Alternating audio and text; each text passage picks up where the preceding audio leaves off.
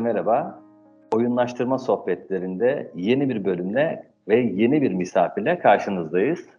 Ee, misafir diyorum, konuğum diyorum. Ee, eski bir dostum aslında.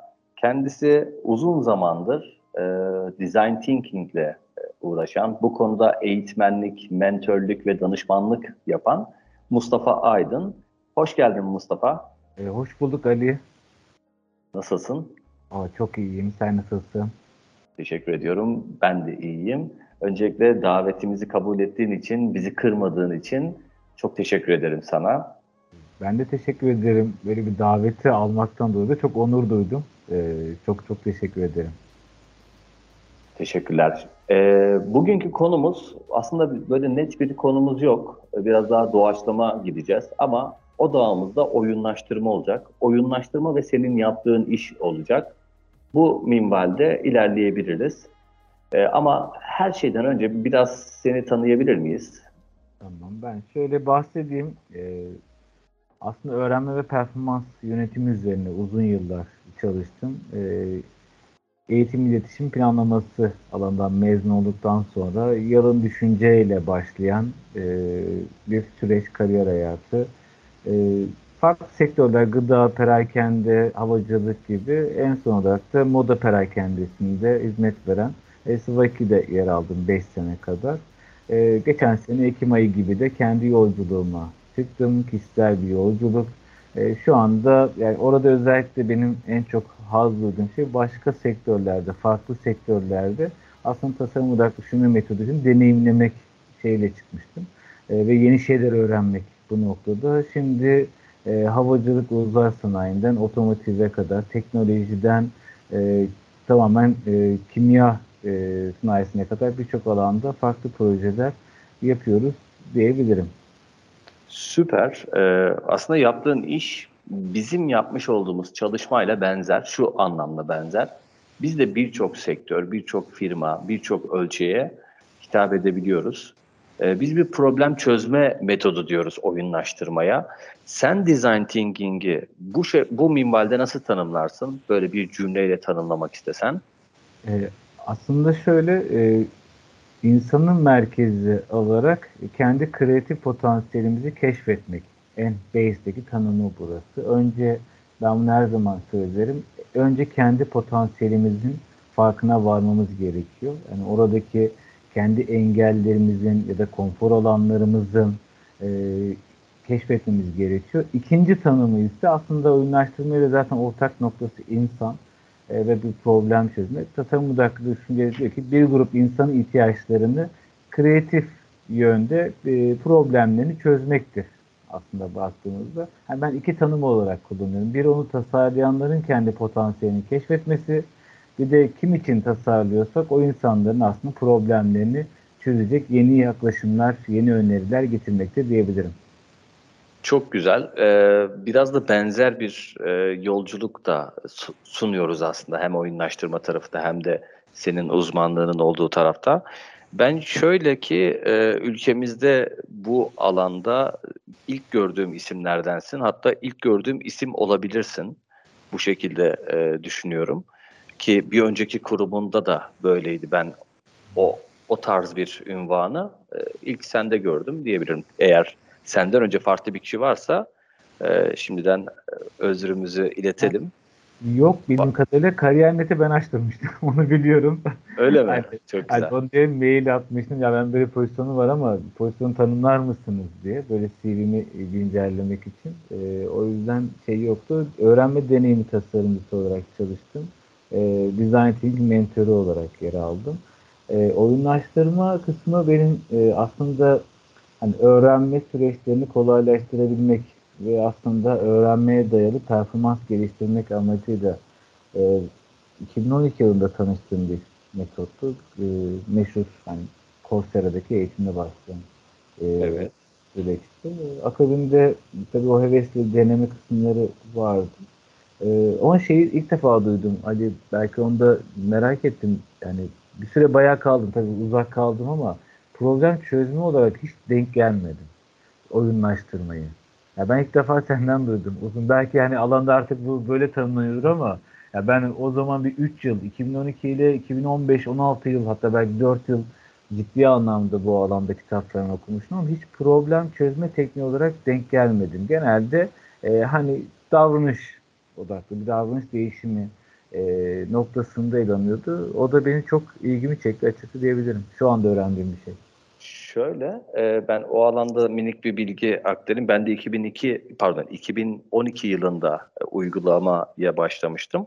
Ben de tabii eğitim kökenli bir başlangıç olmuştu. Ardından e, büyük bir kurumdaydım o zaman. O kurum içerisinde bir süreçle alakalı çalışma yaptık. O sürecin içerisinde oyunlaştırma yaptık. E, problem çözme olarak tanımlamıyoruz. Aslında e, sanırım tüm uzmanlar, yani Türkiye'deki ilk e, danışmanlardan biriyim. E, bizim ülkemizdeki arkadaşlarımız da, yurt dışındaki arkadaşlarımız da e, bunu ağırlıklı olarak davranış üzerine konumlandırdık ki e, 2014-2015 yıllarında da bir furya başlamıştı. Oyunlaştırmanın ötesinde e, daha böyle habit tarafında da organizasyonlar gerçekleştirilmeye veya bu alanda kurgular üretilmeye başlanmıştı. Evet, başlangıcımız, çıkış noktamız davranış. Etkilendiğimiz, destek aldığımız en büyük dayanağımız psikoloji, e, davranışçılık. Fakat biz e, esasında belirli ihtiyaçlar karşılığında bu metodu sunuyoruz. Yani oyunlaştırmayı iki türlü edinebiliriz. Birincisi bu bir ihtiyaç olabilir, bir eksiklik olabilir. Örnek veriyorum bir kurumun çalışanlarının satışla alakalı daha fazla satış yapması veya daha istikrarlı satış yapmasıyla alakalı bir beklentisi vardır, eksikliği vardır. Burada bir problem söz konusu. Biz bu problemi çözmek adına başvurmuş olabiliriz. Burada metodu uygulamış olabiliriz. Ya da e, biz birçok unsuru denedik. Biz birçok unsur yaptık. Bu unsur da bizim e, sürecimize dahil olsun denmiştir ve oyunlaştırma katılmıştır. Yani oyunlaştırma hem evde hem işte hem farklı süreçlerde de uygulanabildiği için bunu net olarak budur, şudur demek yanlış olur. Hani benim evde oğlumla yapmış olduğum oyunlaştırma kurguları farklı bir gaye gidiyor. Belki biraz daha enerjik, eğlenceli olması için. Ama iş yerinde kendi ekibim üzerinde yaptığımda biraz daha problem çözme için kurguluyorum. Kurumsal süreçlerde biraz daha problem çözmeyi ön planda tutuyorum diyebilirim. Şöyle şey tarafından aslında e, duyduğum hoşuma gitti dediğim kısım şu. E, biz problem çözme, design thinking tarafında özellikle problem çözmeyi aslında e, hani hedef bir hedefi gerçekleştirme değil, aslında o hedefi gerçekleştirmek isteyen istediğimiz insanların problemlerini çözmek e, olarak tanımlarız. E, hani o yüzden oyunlaştırma da aslında hani bahsettiğim tarafta insanların aslında hani belli bir e, o noktada deneyim yaşayarak e, o oyunlaştırmadaki o e, sistematiği, mekaniği kullanarak aslında hem bundan bir mutlu olmaları bu süreçten yaparken keyif almaları hani e, en önemli özellikle insan odaklı olarak ben şey. Bir tasarım odaklı düşünce demeyeceğim. Biraz insan odaklı tasarım diyeyim. E, insan odaklı tarafında aslında hani o yüzden şey tarafı ben öyle hoşuma gitti aslında problem çözme kısmında gayet insanların aslında bir şeyi var. Yani ilk kurumsal hayatta. Şeyde özel hayatta da şöyle oluyor aslında e, oyunlaştırma tasarımcısı aslında belki böyle bir ünvan var mı bilmiyorum da. E, var. Şu, yani yeni yeni e, birçok ünvan oluştu ama şu oyunlaştırma tasarımcısı da var. Şu anlamda mesela yani dedin ya çocuklarını ben de şimdi evde aslında böyle bir davranış paternini kazandırmak istiyoruz ya tam olarak ihtiyacını işte nedir? Evet. En baştan çöp atmasını sağlamak gibi bir şey. Hani bir alışkanlık kazandırıyoruz. İşte yere çöp atılmaz gibi. Aslında hani e, bu noktada e, bir şey var gene hani biraz şey koyuyoruz o noktada aslında belli bir şey. E, hani bizim şey var insan odaklı tasarımda şey vardır çok hoşuma gider. Hoşluk olsun diye yapılmaz sadece. Hoşluk olsun. hani gelelim bir araya böyle gidelim kaynaşalım eğleşelim. Ben oyunlaştırmada da sen ne dersin bilmiyorum da hani böyle hoşluk olsun oyun olsun diye aslında orada e, ciddi anlamda arkada bir sistem ve düşünce e, hakkında ne dersin ben onu da merak ediyorum mesela. Ee, burada az önce bahsettiğim gibi aslında iki türlü işliyor. Şimdi bir kısım yani ağırlıklı kısım e, belirli bir sorun, belirli bir problem e, çekiyor, bir ihtiyaç var. Bu ihtiyacı giderme adına e, bir hani bir metot arıyor arayışta. Oyunlaştırma ile belki önce belki sonra tanışıyor ama farklı metotları da denemiş olabilirler bu süreçte. E, sonrasında oyunlaştırmanın kapısını çalıyor. Bu dünyanın her yerinde böyle ki biz e, sektörleri de araştırdığımız gibi hani bu sektörün yurt dışındaki diğer ülkelerdeki yansıması nedir? Bu sorunu onlar nasıl çözmeye çalışmışlar gibi e, araştırmalar da yapıyoruz. Dolayısıyla karşılaştığımız ilk manzara bu. Evet bir problem söz konusu, bir ihtiyaç söz konusu. Bu ihtiyacı giderebilmek adına yapılıyor. İkinci kısım ise buna biraz daha nadir rastlıyoruz. Bu da şu. E, bizim internet sitemiz çok güzel, satışlarımız çok güzel. E, müşterilerimiz sadık. Fakat biz bir hoşluk olsun, biraz da eğlenceli olsun diye oyunlaştırılmış belirli e, modüller eklemek istiyoruz diyen kurumlar da var. Hani sadece ihtiyaç değil, e, aslında böyle biraz farklılık olması amacıyla da oyunlaştırmayı kurgulayan yerler var. Ee, merak etmiyorum. Bu arada benim konu çağırdı. Ben merak ediyorum. Şeyleri, hani senin çünkü o taraftaki derinliğini biliyorum. Ee, ister istemez böyle merak ettiğim şeyler oluyor. Ee, yani benim özellikle oyunlaştırma hayata aldığım taraf şeydi. E, bir satış üzerineydi aslında. Perakende şirketini çalışırken insanların aslında belirli hedefleri gerçekleştirirken stres ya da mutsuz ya da böyle isteksiz artık nasıl tanımlarız. E, o şekilde bir gözlem sonucunda evet. oldu ve dedik yani evet bu insanlar genç. Yani hepsi oyun oynamayı seviyor. Ve bunu bir satış yani satış süreçlerini nasıl oyunlaştırırız?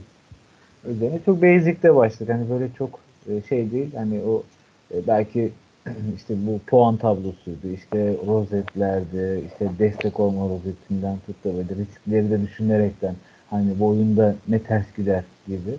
Ee, da riskleri düşünerek böyle e, ilk orada deneyimlemiştik. E, ve e, çok güzel hani buradaki satışları arttırdık diye değil ben e, hani o taraftan değil e, evet güzel İK'nın çok gidiyor ama insanların oradaki memnuniyetleri e, buradaki deneyimleri bizi çok çok mutlu etmişti.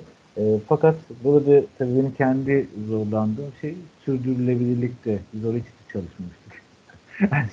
Böyle bir şey gibi olmuştu. Böyle şey kısmı hani kafa yormamıştık. Biz sadece orada güzel başladık. Ee, hani o tarafı nasıl devam ettireceğimiz hiç aklımıza gelmedi. Biraz da heyecandandı aslında. Belki ilkten bunu düşünmediniz. Evet evet. Aynı deneyim de sürdürülebilir kısmında hani hatta o zaman şey vardı yani biz sabun köpüğü gibi olmuştu bizde.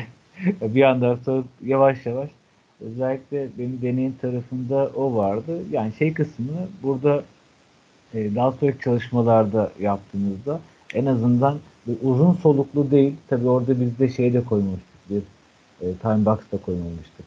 E, hani ne zaman biteceği belirsiz olan bir oyun. hani sonsuzluk gibi bir şeydi bu. E, belli Veya bir şey... başladı bitti gibi bir şey yani aslında evet. zaman koymamak tam olarak bu. Aynı şey. E, o da o kısımlar benim mesela güzel deneyimlerimiz. Daha sonra daha küçük şeylerde oyunlaştırma e, yapmaya başlamıştık. Böyle daha küçük en azından tutabileceğimiz kadarını adım atalım. Tabi buradaki özellikle hani o zamanlar sen de zaten bunların içinden geçtin. Ee, hani oyunlaştırma tam olarak nedir? Hani ilk zamanlarki algı vardı ya oyun oynatacağız hani insanlara. Aynen. E, gibi. Evet. O döneme denk geldi. Biraz da benim de o dönemde hani erken bırakmamın sebebi de buydu. Çok uğraşamıyordum. Hatta bizim projeleri falan böyle kolay değil. Yöneticileri anlatabilmek falan. Tabii şu anda artık önemi zaten tartışmaya bile gereksiz. E, o döneme denk gelmişti ama yani şey tarafı çok önemliydi.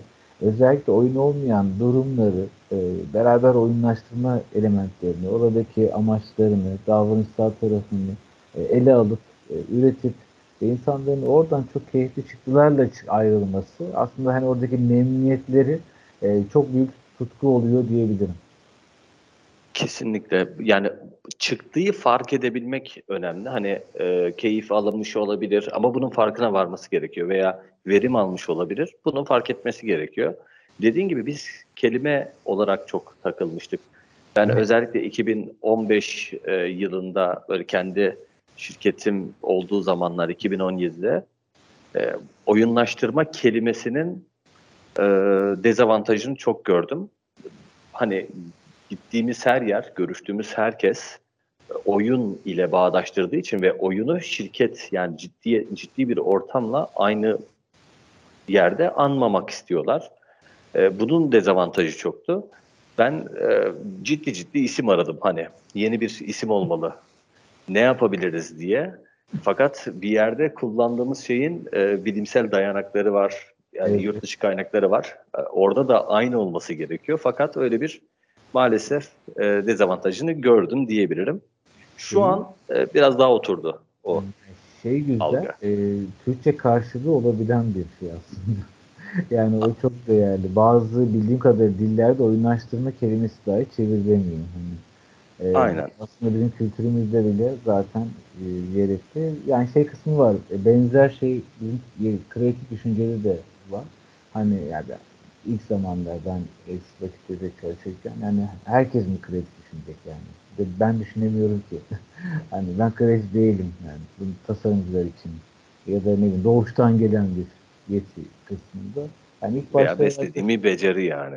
Aynen. Ya aslında şey, ilk başlarda insanların bu değişime karşı bir ön yargı ya da bir bazı kalıplar olabiliyor. Biraz onun e, geçmesi gerekiyor ya da üstüne inat etmek gerekiyor herhalde. E, diyelim senden için o duyduklarım bence böyle farklı şeyler çağrıştırdı. Ee, burada tabii hani biraz e, yaptığımız iş e, farklı, yenilikçi olduğu için bunu ispat etme süreçleri var. Bu bu süreçlerin başında yaptığımız işin çıktısı önemli. Bakın az önce isim dedik yani isim bile etkileyebiliyor.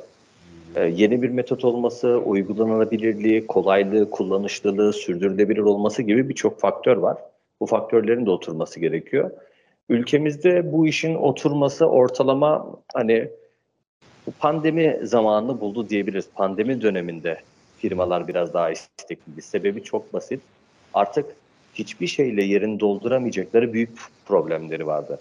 Evet. İnsanlar artık evlerinden çalışıyordu. Yani pandemi öncesine kadar hatta şöyle söyleyeyim tarihte verebiliriz. Mart 2020'ye kadar kesinlikle evden çalışma gibi bir alternatifi düşünmeyen kurumlar e, pandemiyle birlikte kesinlikle evden çalışılma düzenine geçilmeli gibi bir yapıya büründüler. E, ve ofislerini küçülttüler, maliyetlerini azalttılar, büyük bir fayda gördüler. Fakat bu sefer de açığa çıkan şey e, büyük bir motivasyonsuzluk oldu. Sen bilirsin, e, büyük kurumlarda da çalıştın. Koridor FM vardır, e, kahve e, molalarındaki yapılan sohbetler vardır. Hani iş yerindeki o ortam olmadığı için evlerde dolayısıyla oradaki o eksiklik, o motivasyon eksikliği daha da büyümeye başladı. Bunun önüne geçebilmek için yeni çözümler arandı. E, bu çözümlerden bir tanesi de büyük olasılıkla oyunlaştırma oldu. O yüzden pandemi döneminde burada bir bilinç arttı. Hani oyunlaştırma tamam ama neymiş gibi. O, onun bir avantajı oldu bizim sektörümüze.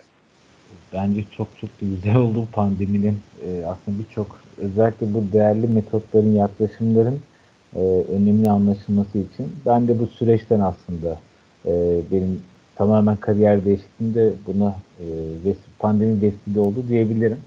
E, yani o noktada oyunlaştırmanın e, geleceği ve daha da aslında önemli olacağı e, aşikar. E, o yüzden kıymetli bir alan. Kesinlikle. Ee, peki senin bu alanda bilmiyorum hani e, kurumsal bir deneyimin var mı böyle net anlatabileceğin hani anlatabileceğim ortamlarda anlatabileceğim hikayem diyebileceğim bir e, kurgun var mı?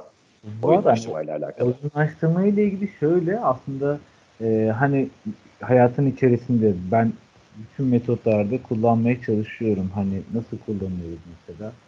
Özellikle bir tasarım odaklı düşünce çalıştayları ya da işte inovasyona gidecek fikirler bulabilmek için aslında oradaki e, katılımcıların davranışsal değişiklikleri çok önemli. Aslında yine davranış paterni e, baktığımızda e, ve hani o davranış değişikliğinin sonucunda aslında bir ürüne bir çıktıya dönüşmesi bekleniyor ya da inovatif olacak.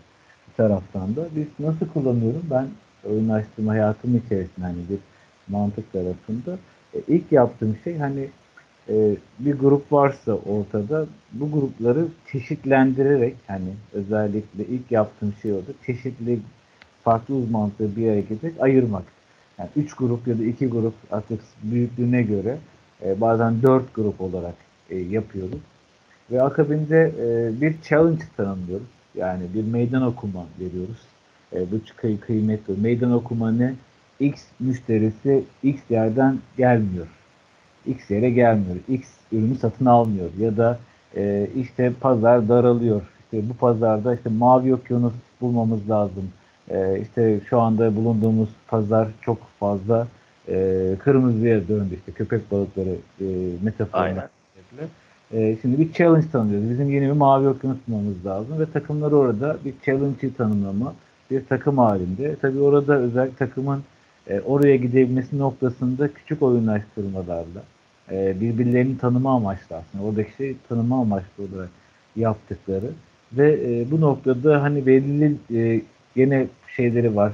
Süre olarak bir e, nasıl söyleyeyim challenge'ları var. Süre challenge'ı var.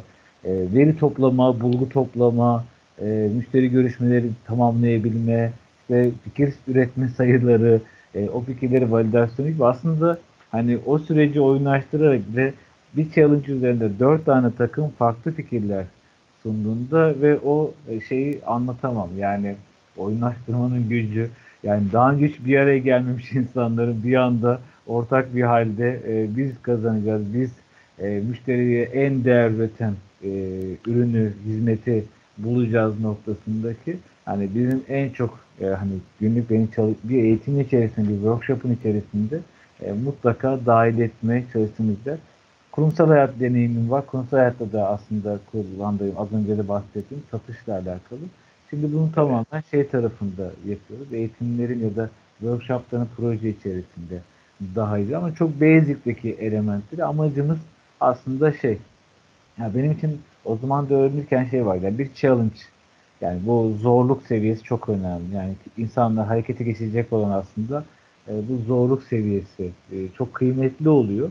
O zorluğa giderken de aslında doğru takımı e, kurabilmek e, ve o noktada aslında o paternleri de e, hedef işte o level'lar denir yani şey kısmında onları iyi tanımlamak noktasında ve e, şunun bazen şeyini çok yaşıyorum. Mesut'da 2'deyken özellikle bunu çok yaşıyorduk. Şimdi kurumsal hayatta da e, proje olarak yaptığımızda eğer o challenge'ı belirttikten sonra takım kendi akışa geçiyor. Yani benim en çok hoşuma giden de o. Yani e, özel zamanlarda... Çetikleniyorlar. Bu, sanki bir bekliyorlarmış bir kıvılcım gibi değil mi? Aynı oyunlaştırmanın verdiği bir zaman challenge var, deadline var, puanlar geliyor, geri geliyor ya bu şekilde. Aynen. Takım ne yapıyor bilmiyorlar. Diğer takım ne çıkardı işte. hani hatta böyle e, şey yapmaya çalışıyorlar. Hani ürünlerinize bir bakalım falan. Sizde nasıl gidiyor falan böyle. E, o yüzden şey tarafında hani o şey kısmında çok çok değerli. İşte o fikriniz orijinal mi değil mi? Onu bile kendi kıyas eleştirel düşünmeyi de yapıyorlar. Ya bu özellikle oyunlaştırmadaki e, kıvılcımlar diye yani oyunlaştırma bu işi kıvılcımı aslında ateşe dönüştürüyor diyebilirim. Kesinlikle. E, oyunlaştırma aynı zamanda e, mevcut da içeride var olan motivasyonu da körüklüyor. Yani biz e, herkesin bir motivasyona, herkesin bir istekliliğe, hırsa, azme sahip olduğunun bilincindeyiz. Fakat e, kişilik yapıları yani biz oyuncu tipi diyor adlandırıyoruz fakat evrensel dilde karakter analizi.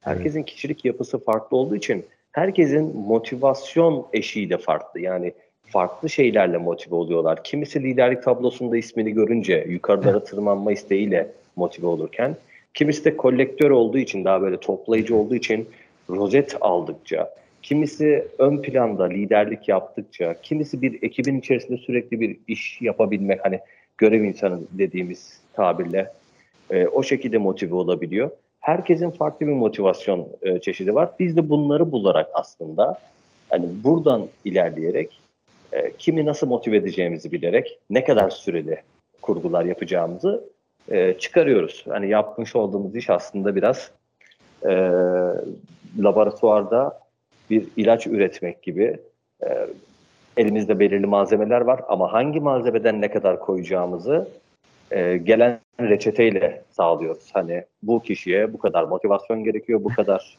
azim gerekiyor, bu kadar tetikleme gerekiyor gibi şeyleri çıkarıyoruz aslında.